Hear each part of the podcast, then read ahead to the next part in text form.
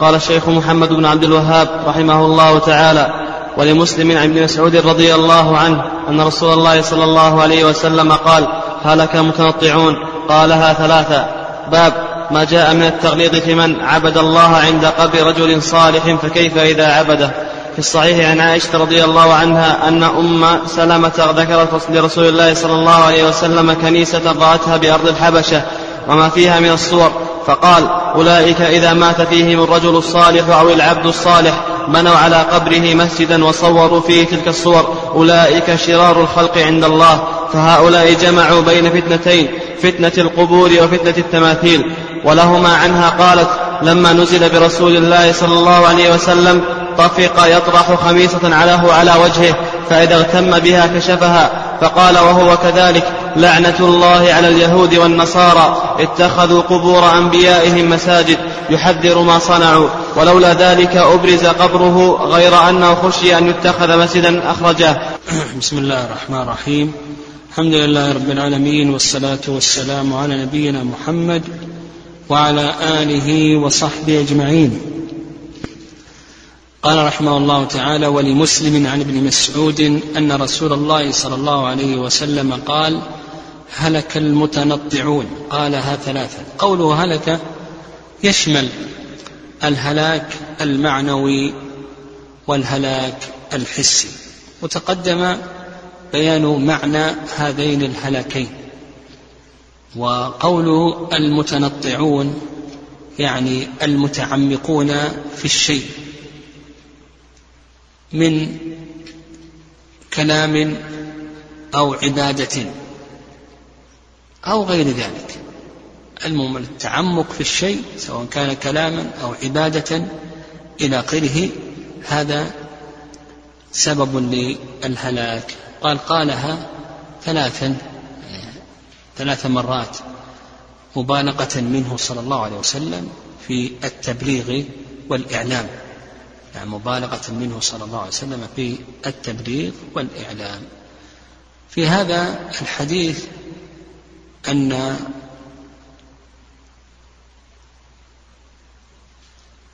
أن الغلو في الصالحين سبب للهلاك إذ إنه من التنطع. كون الإنسان يغلو في صالح من الصالحين هذا تنطع. وإذا كان كذلك فإنه سبب للهلاك وحينئذ يجب على المسلم أن يتركه لكونه سببا من أسباب الهلاك. نعم. ففيه أن الغلو في الصالحين من التنطع والتنطع سبب للهلاك. قال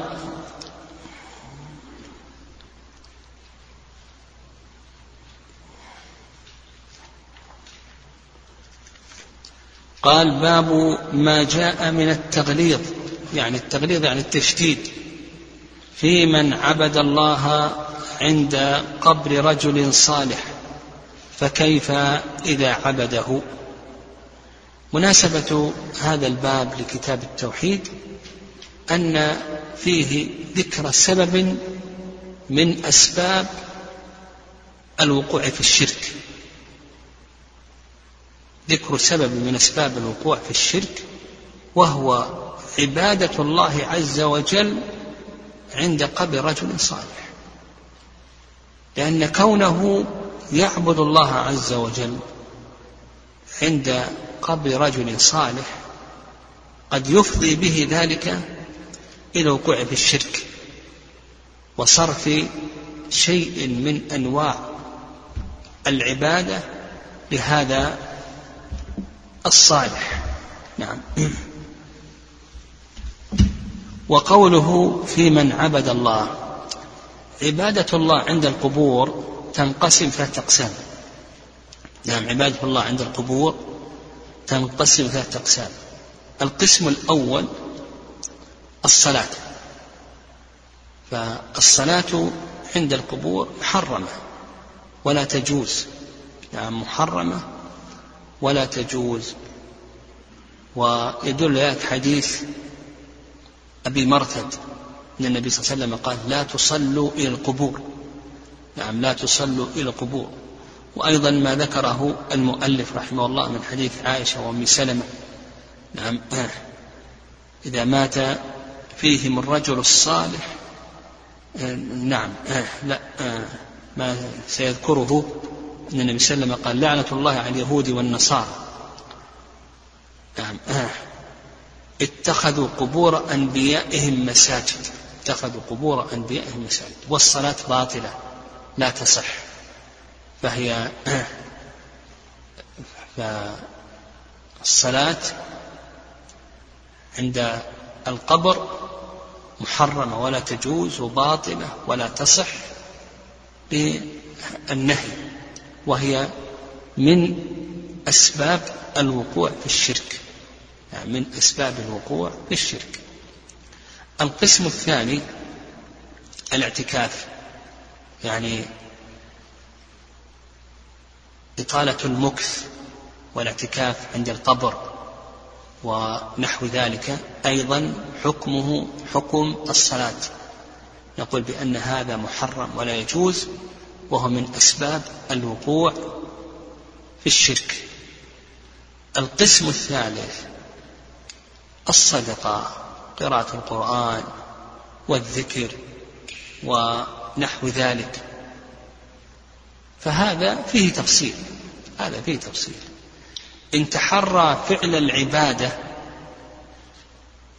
في هذا المكان يعني قصد فعل العبادة في هذا المكان.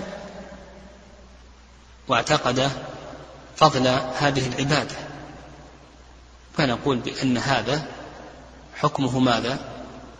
أنه لا يجوز.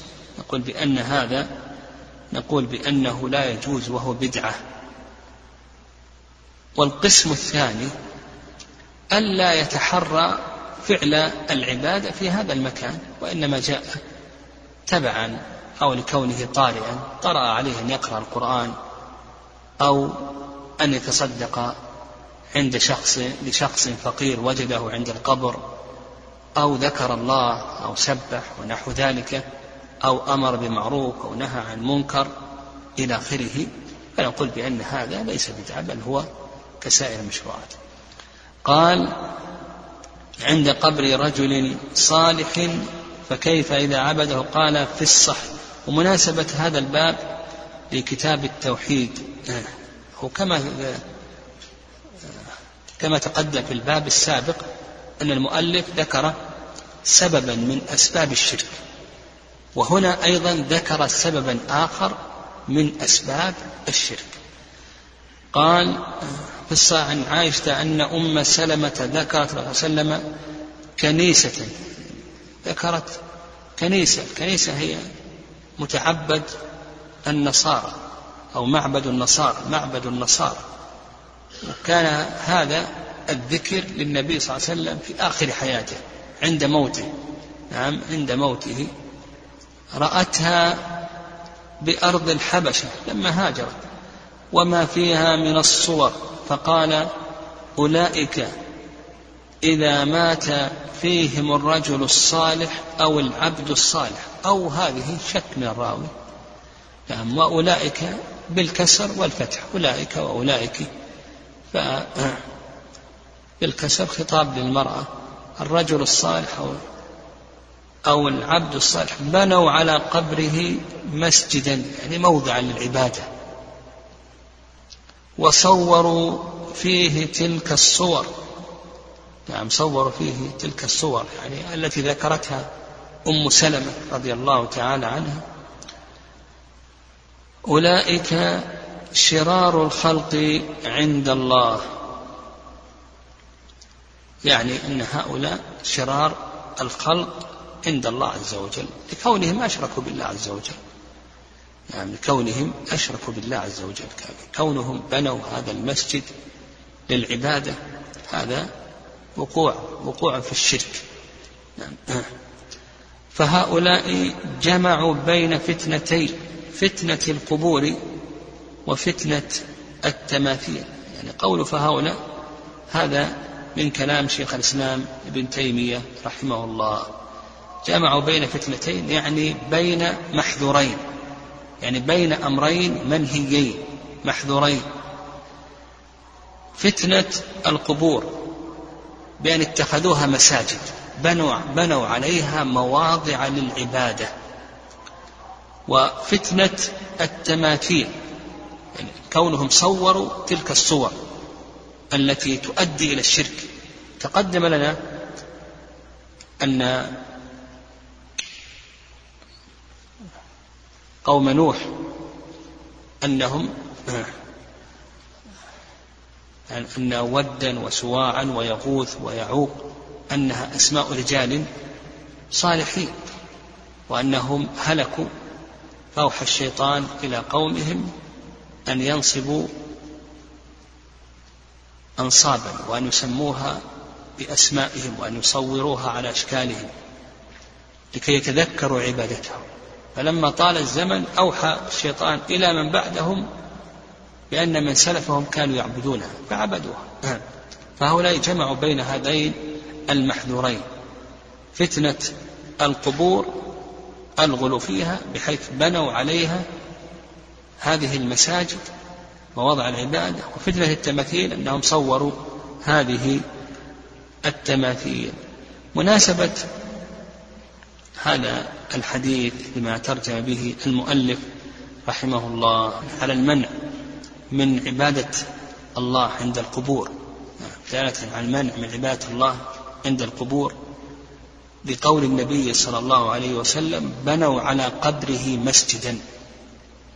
فيه المنع من عبادة الله على عند القبور لأن ذلك مما يؤدي إلى الشرك مما يكون وسيلة إلى الشرك وهو من فعل النصارى. قال رحمه الله تعالى ولهما يعني البخاري ومسلم قالت لما نزل برسول الله صلى الله عليه وسلم عنها يعني عن عائشة لما نزل برسول الله صلى الله عليه وسلم يعني نزل به ملك الموت لقبض روحه عليه الصلاة والسلام. طفق يعني جعل يطرح خميصة له على وجهه. خميصة كساء لها أعلام كساء لها أعلام يعني لها خطوط. فإذا اغتم يعني احتبس نفسه عن الخروج. اغتم احتبس نفسه عن الخروج كشفها أبعدها عن وجهه فقال وهو كذلك لعنة الله على اليهود والنصارى. اللعن من الله عز وجل هو الطرد الدعاء بالطرد والإبعاد عن رحمة الله. فقوله لعنة الله على اليهود والنصارى أن النبي أن النبي صلى الله عليه وسلم دعا عليهم بالطرد والإبعاد أن الله يطردهم ويبعدهم عن رحمته. لعنة الله على اليهود والنصارى اتخذوا قبور أنبيائهم مساجد. يعني أنهم اتخذوا قبور الأنبياء مساجد يعني مواضع للعبادة. يعني مواضع للعبادة يعني يحذر ما صنعوا هذا كالتعليل لما سبق لكي يحذر أن يعبد الله عز وجل عند القبر لأن قصد العبادة عند القبر هو من اتخاذ القبر مسجدا. يحذر ما صنعوا ولولا ذلك أبرز قبره. نعم. نعم. لولا ذلك يعني لولا تحذير النبي صلى الله عليه وسلم مما صنعوا ولعنه من فعله أبرز قبره. يعني لدفن النبي صلى الله عليه وسلم خارج بيته غير أنه خشي أن يتخذ مسجدا. يعني أن النبي صلى الله عليه وسلم أمرهم بعدم إبراز قبره. خشية أن يتخذ مسجد أن يتخذ مسجد قبره مسجدا أو أن الصحابة رضي الله تعالى عنهم خشوا أن يتخذ قبره مسجدا. فدفن النبي صلى الله عليه وسلم في بيته قال أخرجاه يعني أخرجه البخاري ومسلم. في هذا الحديث مناسبة الحديث لما ترجم به أو ترجم له المؤلف رحمه الله تعالى أن هذا الحديث فيه المنع من عبادة الله عند القبور لأن ذلك يفضي إلى الشرك. نعم. يعني ذلك يفضي إلى الشرك كقول النبي صلى الله عليه وسلم اتخذوا قبور أنبيائهم مساجد. يعني أنهم عبدوا الله عز وجل عند قبور أنبيائهم ومع ذلك لعنهم النبي صلى الله عليه وسلم لأن هذا وسيلة إلى الوقوع في الشرك. نعم. الله أعلم